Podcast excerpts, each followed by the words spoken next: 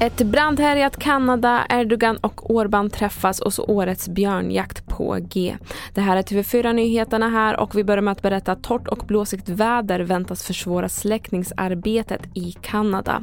Hittills har 137 000 kvadratkilometer från ena änden av landet till den andra brandhärjats. Och myndigheter avråder från alla resor till de drabbade områdena för att hålla vägar öppna för räddningspersonal och evakuerade. TV4 Nyheternas utrikesreporter Thomas Kvarnkullen är på plats. Just nu så är läget väldigt kritiskt eh, här i British Columbia där eh, jag befinner mig och där de värsta bränderna dessutom har blivit allt mer intensiva bara under det senaste dygnet. Eh, mycket förändras hela tiden men de senaste officiella uppgifterna säger att 30 000 människor har evakuerats men ytterligare 35 000 människor kan tvingas lämna sina hem när som helst.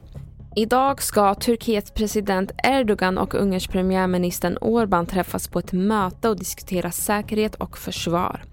Ledarna för de två NATO-länder som ännu inte godkänt Sveriges ansökan har länge följts åt i sitt svar på processen.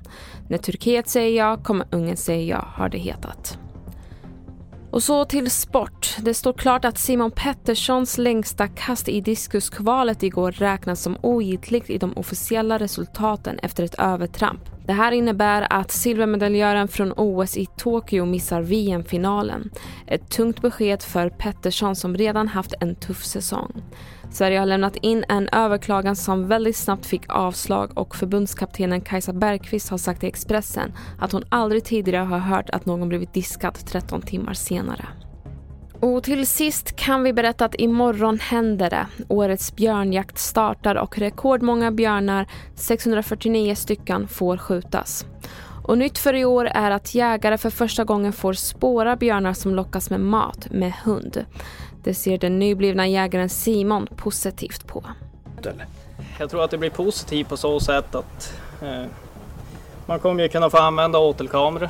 Eh, vilket innebär att man, man vet vad som finns på åteln. Både före jakten och så just vid tillfället. Eh, så att du kommer förhindra de här släppen på, på honor med ungar exempelvis. Och det här var det senaste från TV4 Nyheterna och jag heter Merjem Jamil.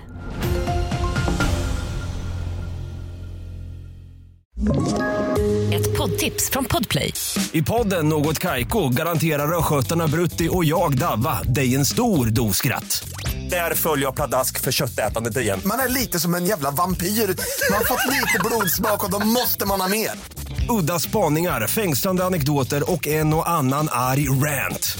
Jag måste ha mitt kaffe på morgonen för annars är jag ingen trevlig människa. Då är du ingen trevlig människa, punkt. Något Kaiko, hör du på Podplay. Därför arkadeinerna.